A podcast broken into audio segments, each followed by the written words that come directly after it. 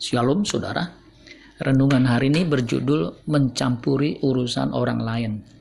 1 Tesalonika 4 ayat 11 sampai 12. Dan anggaplah sebagai suatu kehormatan untuk hidup tenang, untuk mengurus persoalan-persoalan sendiri dan bekerja dengan tangan seperti yang telah kami pesankan kepadamu. Sehingga kamu hidup sebagai orang-orang yang sopan di mata orang luar dan tidak bergantung pada mereka. Terjemahan bahasa Indonesia sederhana lebih praktis. 1 Tesalonika 4 ayat 11 terjemahan Indonesia sederhana bunyi begini. Berusahalah hidup dengan tenang dan jangan mencampuri urusan orang lain seperti yang pernah kami ajarkan. Bekerjalah dengan rajin untuk memenuhi kebutuhanmu sehari-hari Jangan mencampuri urusan orang lain jika kita mau hidup tenang.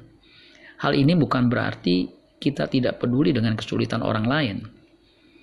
Dalam dunia medsos, sering kita mendengar orang pasang status nyinyir di medsosnya yang membuat orang lain jadi tidak sejahtera.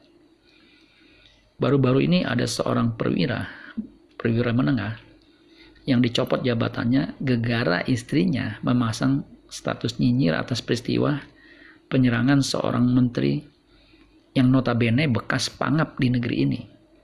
Akibat ulahnya yang mencampuri urusan orang lain dengan tidak sepatutnya, akhirnya jabatan suami yang baru saja diangkat harus melayang lenyap.